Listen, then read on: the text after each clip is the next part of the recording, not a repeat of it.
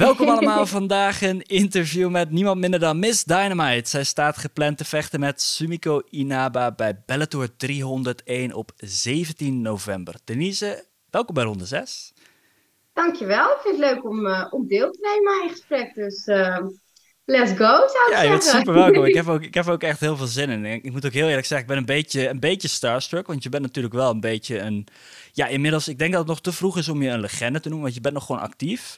Maar ja, in, in, ik moet zeggen dat ik inmiddels toch wel... Uh, dat je toch wel een bekende naam bent binnen Nederlands MMA. Daarom denk, ben ik echt heel erg enthousiast om dit, uh, dit gesprek te voeren met jou. Hey, ik ga uh, gewoon gelijk beginnen met jouw kamp. Hoe gaat het daarmee tot dusver? Het gaat echt super goed. En normaal, weet je wel, dan hebben vechters dan. Je zegt met, qua ervaring, zeg je heel vaak tegen interviewers: het gaat super goed. Weet je wel, omdat je natuurlijk niet anders kan zeggen. Maar nu durf ik echt zeggen van dat het echt goed gaat en dat ik me echt heel goed voel. Dus ja, ik, moet, ik moet ook eerlijk bekennen. Ik heb ook wel eens vaker in interviews gezegd: ja, gaat supergoed, ik voel me goed. En dan was het helemaal niet zo. Maar nu durf ik echt mijn handen in het vuur te steken dat het echt zo is. Het gaat supergoed. ah, dat is echt super, super goed om te horen. En, en ook met gewichtsverlies, want ik, ik zie jou namelijk altijd best wel droog op de weegschaal staan. Is dat iets wat, um, wat bij jou, een, is dat iets waar je dan mee worstelt in, in aanloop naar gevecht? Of is dat iets wat steeds makkelijker, steeds soepeler gaat? Eigenlijk, um, ik vecht in de flyweight, uh, flyweight division en dat is tot 57 kilo. En normaal loop ik altijd rond de 61, 62 kilo. Dus ik hoef niet extreem veel te katten. Dus eigenlijk als mijn fight camp al begint, dan daalt mijn gewicht al langzamerhand naar fight day. Dus ik hoef niet extreem te katten, ook al Um, uh, ja, zeggen mijn coaches vaak van, nou, je kan nu wel wat eten. Weet je, voor mij is het echt een, uh, een soort van obsessie. Dat ik gewoon op, eigenlijk op de weging gewoon gezond op de 57 kilo sta. Dus uh, okay. zonder een extreme weight cut. Daar ben ik namelijk niet voor. Nee, geen voorstander van. Nee, dus jij, jij houdt ervan om meer gewoon door het jaar, het, eigenlijk het hele jaar door, gewoon een bepaalde fitte, een fitte, fit te blijven eigenlijk.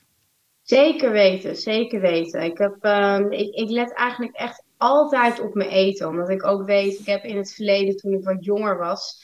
En dan merk je ook qua leeftijd. Dan vroeger als je vocht, dan. Uh, ja, het klinkt heel slecht, maar ging heel weinig eten. En dan was je ook weer zo 10 kilo of zo kwijt, weet je. En dat gaat gewoon hoe naarmate je ouder, ouder wordt. En gewoon veel meer spieropbouw hebt. Gaat dat gewoon niet meer zo makkelijk. Dus weet ik dat ik gewoon ook off-season altijd gewoon mijn gewicht wel op een bepaald niveau houden. Dus niet te veel omhoog schiet. Ja. ja, want gezond eten, ja, is natuurlijk hartstikke lekker, hartstikke leuk. En je voelt je altijd heel goed op het moment dat je natuurlijk zo'n patroon aanhoudt. Maar dan ben ik eigenlijk wel nieuwsgierig. Wat is nou echt een, een ultieme cheap meal in Huizen Kielholz? uh, nou, de, dan moet ik toch wel echt zeggen van uh, de toetjes van mijn schoonmoeder die zijn altijd wel echt meer dan welkom. Want ik ben wel echt een uh, koekje chocola en uh, ja, dat uh, zijn wel mijn guilty pleasures. En um, ja, verder als ik bijvoorbeeld, ik eet het nooit, ik, ik ben niet echt een broodeter of je ziet mij zeker niet elke week bij de McDonald's. Maar als ik dan op weightcut ben, dan vind ik patatjes en de geur van brood vind ik echt heerlijk. Dus dat uh, zijn wel de dingen, de zoetigheid en patatjes, dat zijn wel de dingen die, uh, als ik daar nu aan denk, denk ik al van ja, die uh, kunnen er wel in straks. Wordt het dan ook zeg maar, op, op, op, kom je ook zeg maar in de fase dat je op een gegeven moment denkt van ja, zoetigheid lekker, maar op dit moment ben ik zo hongerig dat ik eigenlijk ook wel gewoon een, een, een bak rauwe rijst naar binnen zou kunnen kan werken. Zeg maar.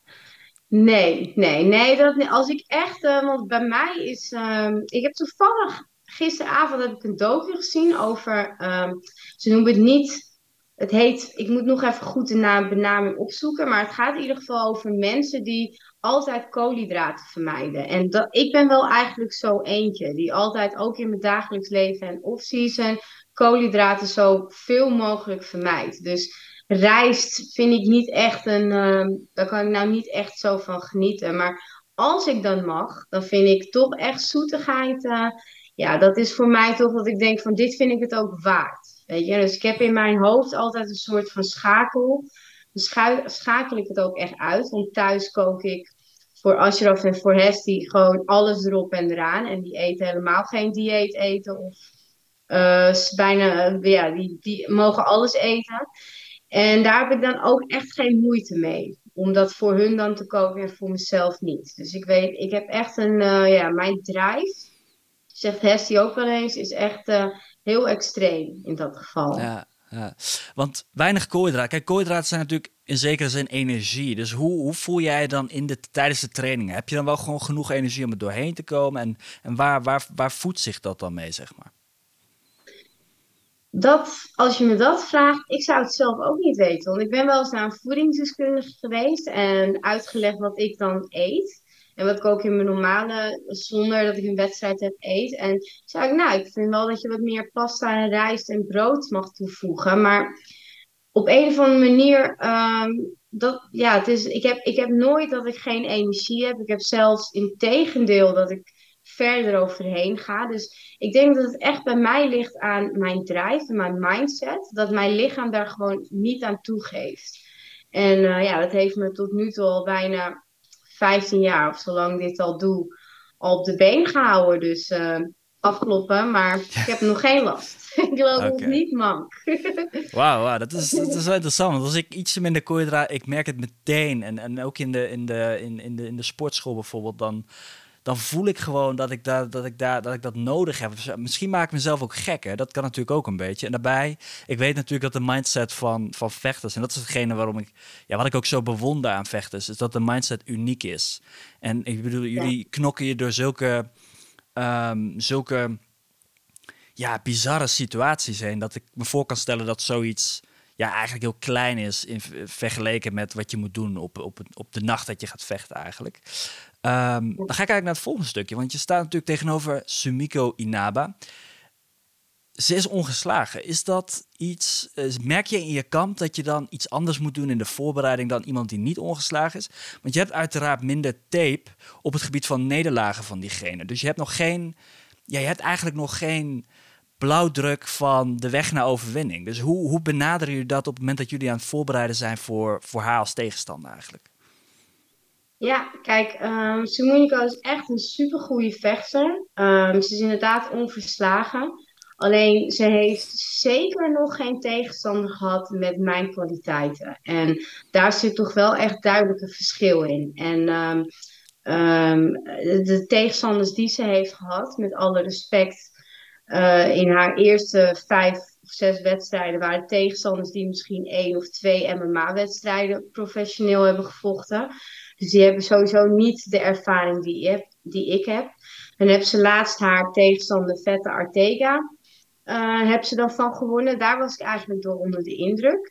Maar ook Vette Artega is, heeft lang niet de kwaliteiten die ik heb. Dus um, ja, dan, dan ga je al anders kijken naar een vechter als ze onverslagen is. Dan dat je bijvoorbeeld ziet de tegenstanders die zij heeft gehad.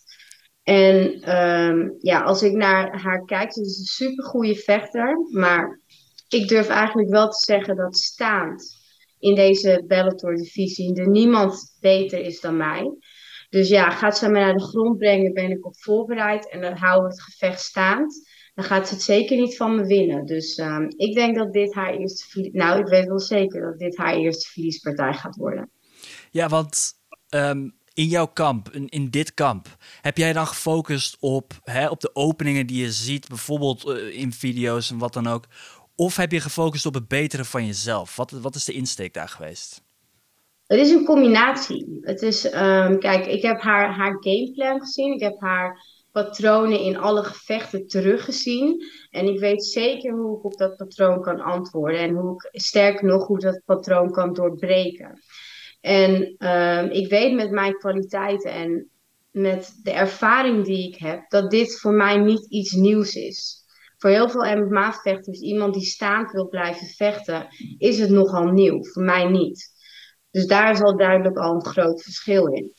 Dan moet ik ook zeggen dat ik, ehm, ik zit nu uh, bij een team. Ik heb nu een team om me heen die al mijn kwaliteiten nog extra naar boven brengt. En vaak is het zo, als je een gameplan hebt, dan pas je aan op de tegenstander.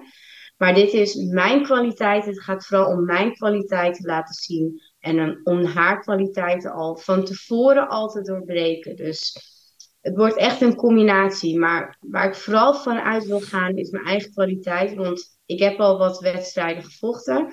Maar ik weet zeker dat ik nog veel meer in me heb om te laten zien. Ja, dus je gaf aan dat jij wel openingen ziet op de voeten bij haar ook. Op het moment dat jullie staand zouden vechten. Um... Ja, ja, ja. Ik, zie, ik zie zeker ik zie zeker heel veel openingen in haar, ook in haar stand-up game. Ja, want uh, ik wil natuurlijk niet dat jij hele gameplan hier voor mij neer gaat, neer gaat leggen hè, en dat we dat op die manier bespreken. Maar wat, ik ben wel heel nieuwsgierig. Wat voor openingen zie je daar?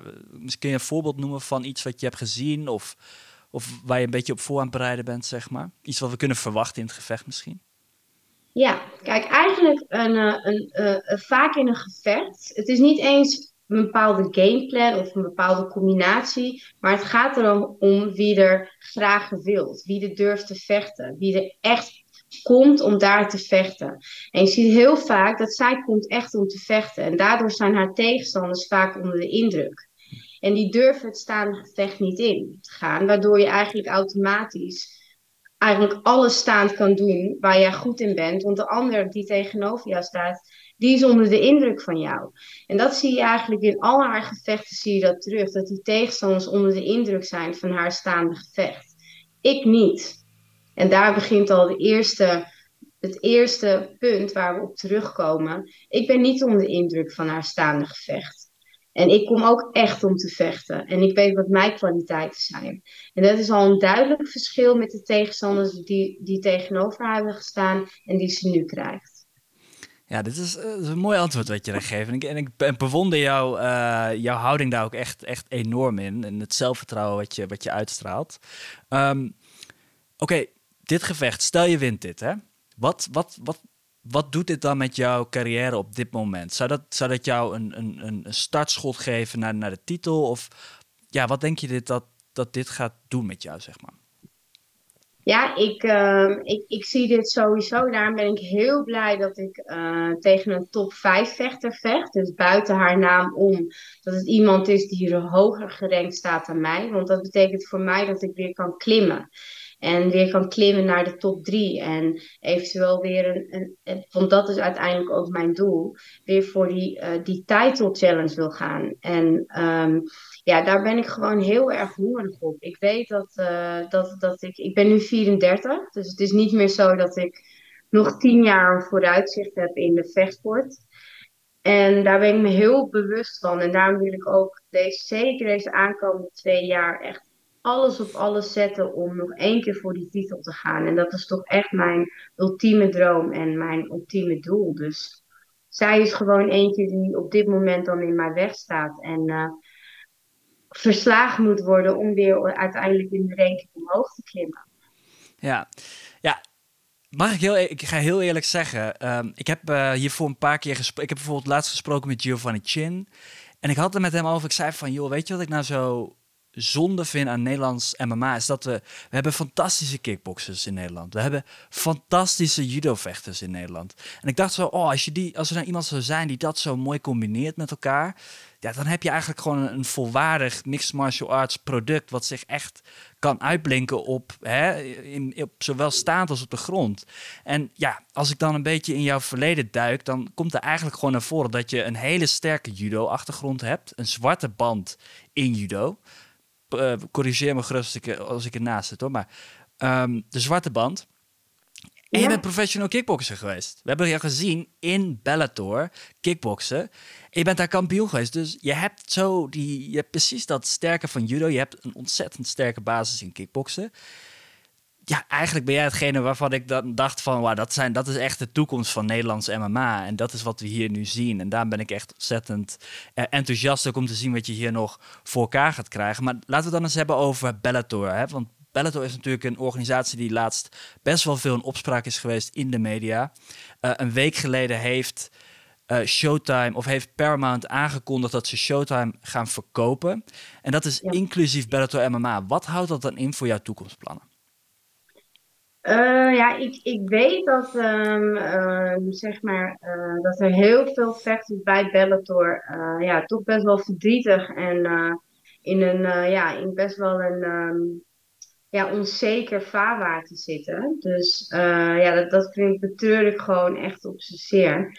Maar ik heb, ik heb geloof ik twee maanden geleden net een nieuw contract getekend voor twee jaar. Dus wat er ook met Bellator gebeurt, ik ga daarin mee. Dus uh, wat dat betreft heeft mijn manager Raymond Daalder heeft uh, alles goed dichtgestield. Dat wat er ook met Bellator gebeurt, dat dat voor mij um, alleen onder de Bellator vlag weten we natuurlijk niet. Maar dat het voor mij geen consequenties heeft. Dus um, ja, het kan zo zijn dat Bellator straks niet meer bestaat. Maar uh, qua vechten vechten is uiteindelijk vechten en welke kooi dat ook wordt of onder welke vlag. Kijk, voor mij, zou, voor mij ik hou echt van Bellator en ik hou van de naam en mijn droom om die kickboxbelt en ook die MMA-belt te hebben.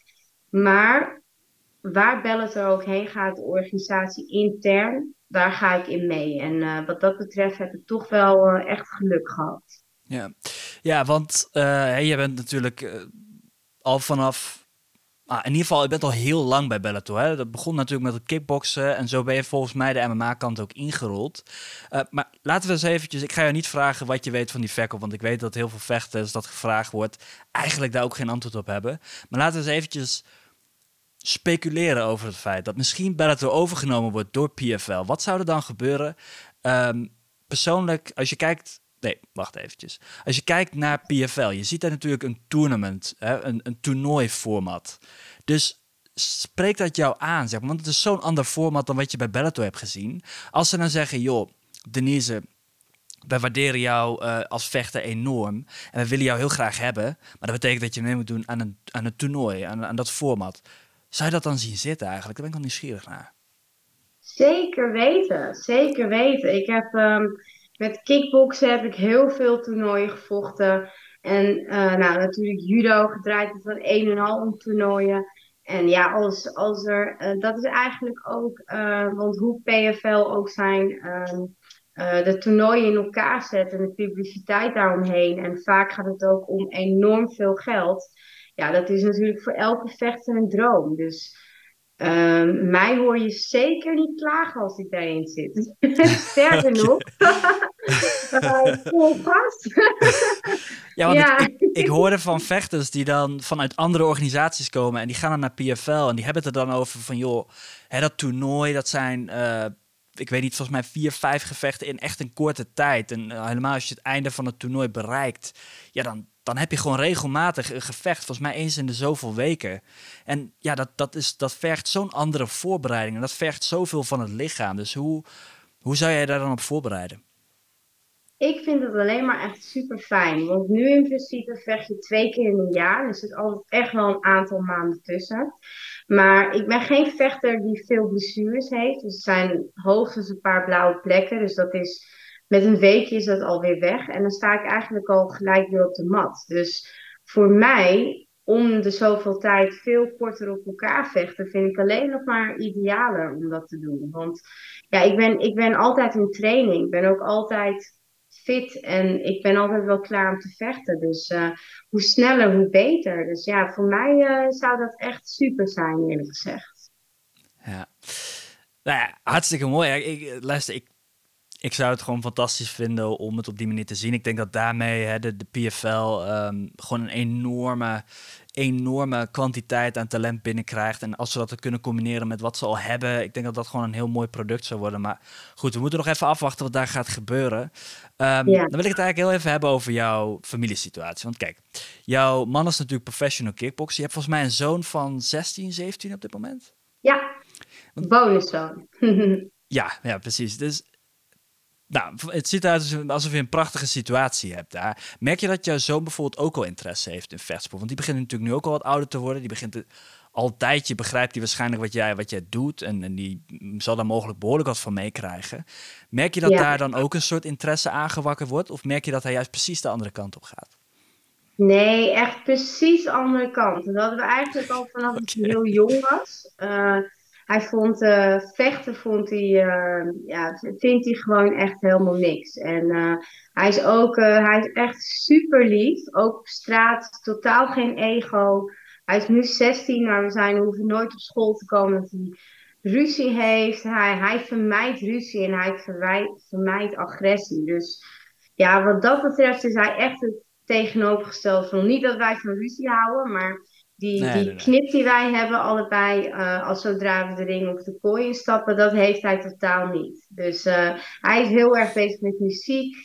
Um, hij vindt, uh, ja, hij, hij, hij houdt van hele andere interesses dan wij hebben. En dat vind ik eigenlijk wel heel leuk. Want ik vind het ook leuk om van dichtbij te zien hoe die van klein jongetje nu in één keer tot een vol, ja, jong volwassen man hij komt gisteren thuis van werk en dan heeft hij een nieuwe jas bij de Sarah gehaald. En je, dan denk ik van ja, dan ben ik wel echt uh, trots op de jongen die hij wordt. Want we hoeven ons nooit druk te maken dat het met hem, het met hem niet goed gaat. Sterker nog, hij is echt het zonnetje in huis. Dus um, ja, wat dat betreft uh, is hij vaak ook wel iemand uh, dat zelfs waar je heel goed ook mee kan praten. Hij is, hij is eigenlijk ook echt mijn beste vriend. Dus uh, ja, ik bof wel met, uh, met hem als bonuszoon te hebben.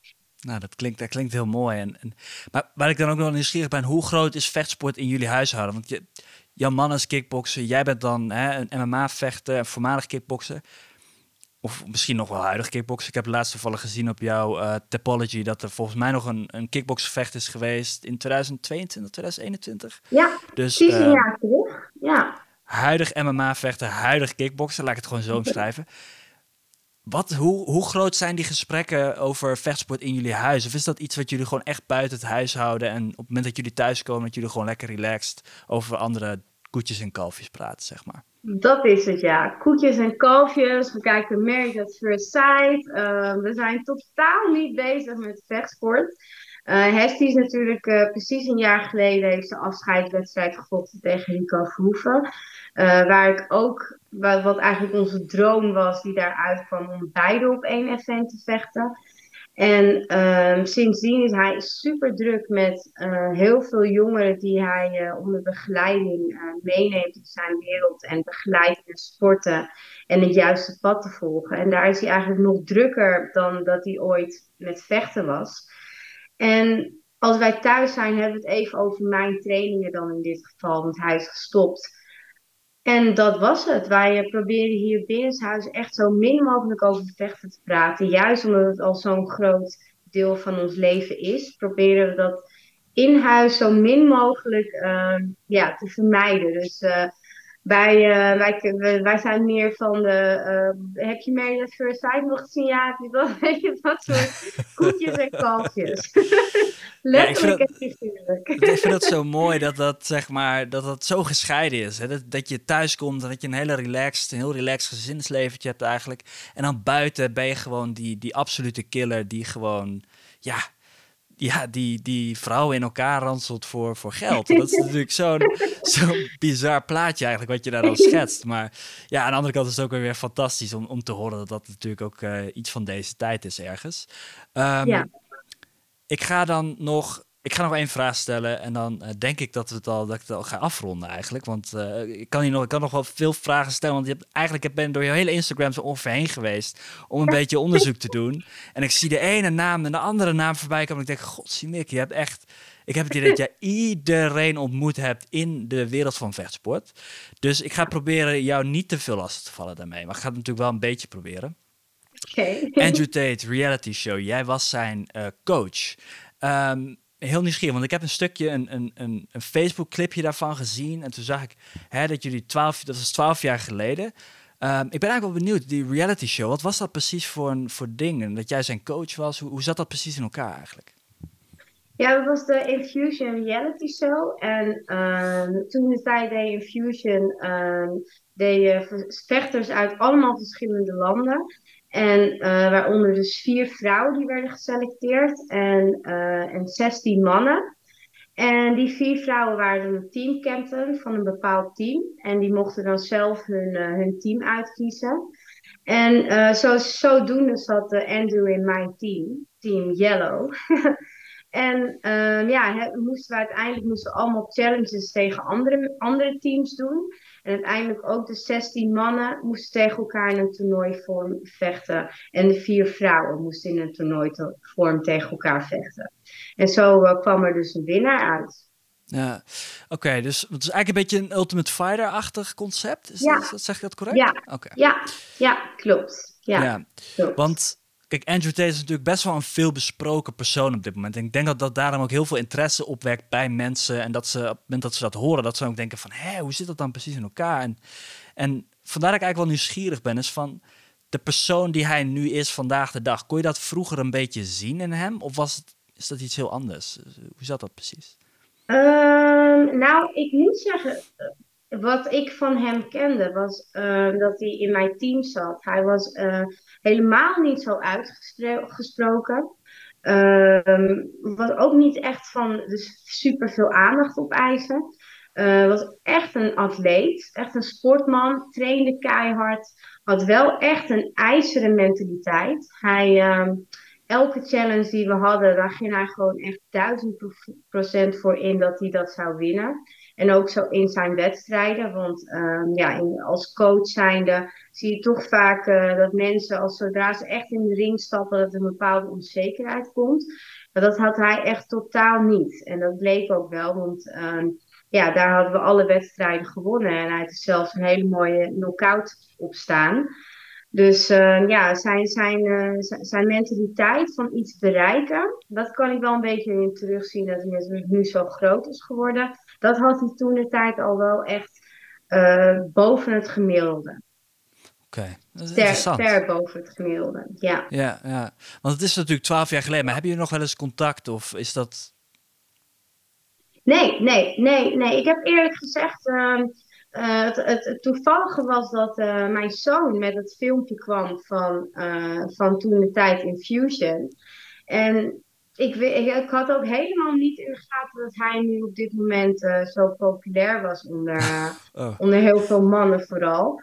Dus ehm, het was echt mijn zoon die daarmee kwam. als je die zei van, ja, heb je dit filmpje gezien? En toen pas wist ik wat voor filmpje er viral ging. Maar eerlijk gezegd, in de tussentijd heb ik, heb ik niet doorgehad hoe hij uh, zijn weg heeft beklommen naar die uh, positie. Ja, ja, ik wil voor de goede orde, ik sta overigens niet achter alle dingen die hij zegt. En dat is ook absoluut niet de reden waarom ik het vraag. Maar ik was gewoon nieuwsgierig. Natuurlijk ook omdat het de grote naam is. Opvallend, toen ik op jouw Instagram aan het scrollen was en ik dat voorbij zag komen, dacht ik, oh, dat, dat, dat is eentje die ik er niet, uh, niet aan zag komen. Maar vandaar ja. dat ik het toch even ter sprake wilde brengen. En ik wil eigenlijk even afsluiten met jou. Want jij hebt aangegeven, jij wil absoluut nog kampioen worden binnen Bellator, binnen PFL, wat dat ook mag mogen zijn. Is er nog een tegenstander die op jouw lijstje staat, dat jij zegt van, voordat mijn carrière afgesloten is, dan zou ik die graag nog tegenover me willen laten staan? Het zijn er echt heel veel. Maar eigenlijk als ik, uh, hoe, hoe ouder ik word en hoe, hoe meer ik weet dat mijn tijdlijn ook niet meer voor eeuwig duurt, um, wil ik gewoon tegen de beste vechten en van de beste winnen. En ik heb niet per se een naam of iemand uit het verleden die ik nog een revenge. Kijk, zou dat, zou dat zo in dat geval komen, dan sta ik natuurlijk, uh, dan ben ik daar. Ik heb nog nooit een wedstrijd afgezegd. En um, dat zou in de toekomst ook zeker niet gebeuren. Maar uh, nu heb ik zoiets van, ik wil echt een race maken nog voor die titel. En of het nou de Bellator titel is of niet. Ik wil echt mezelf omhoog weer klimmen. En ik wil de top, uiteindelijk wil ik stoppen op de top. En dat is mijn ultieme doel. Dus wie daar in die top 3 of in de, op de top 1 staat, dat is mijn doel. En uh, de rest is history. Fantastisch. Hey, uh, voordat ik je laat gaan, mm, ja, waar kunnen we je vinden? Wat, wat wil je nog meegeven aan, aan de luisteraars? Uh, alle luisteraars, nou, je kan mij natuurlijk volgen op Instagram, is Dynamite. Um, ook op Facebook. Maar kijk vooral Bellator 301, want wie weet is het wel een historisch evenement waaronder Bellator misschien niet meer onder de Bellator zal vechten. Daar maakt het event nog specialer dan de rest. Kijk het op Videoland en support de Nederlanders. Want niet alleen ik, maar ook Pieter Buis is nog een Nederlander die echt tegen een hele goede staat. Dus alle support vanuit Nederland kunnen wij wel gebruiken daar in Chicago. Dus 17 november, Bellator 301 kijken. super, super. Wow, dat is denk ik tot nu toe de beste, de beste uh, afsluiter die ik uh, denk ik van een van de interviews gehoord heb. Um, oh, nou, ja, je kunt toch weer in je zak steken zo, hè? Um, dan ga ik ook nog afsluiten. Volg mij alsjeblieft op Spotify, Apple Podcast. Laat een review achter als je het tof vindt. Denise, Bedankt voor jouw tijd. Uh, ja, ik wens je echt mega veel succes bij Bellator 301. Ik denk alle luisteraars dat die dat ook absoluut zouden doen. Wij staan in ieder geval te juichen voor uh, Nederland. En uh, ja, dank voor het luisteren en tot de volgende.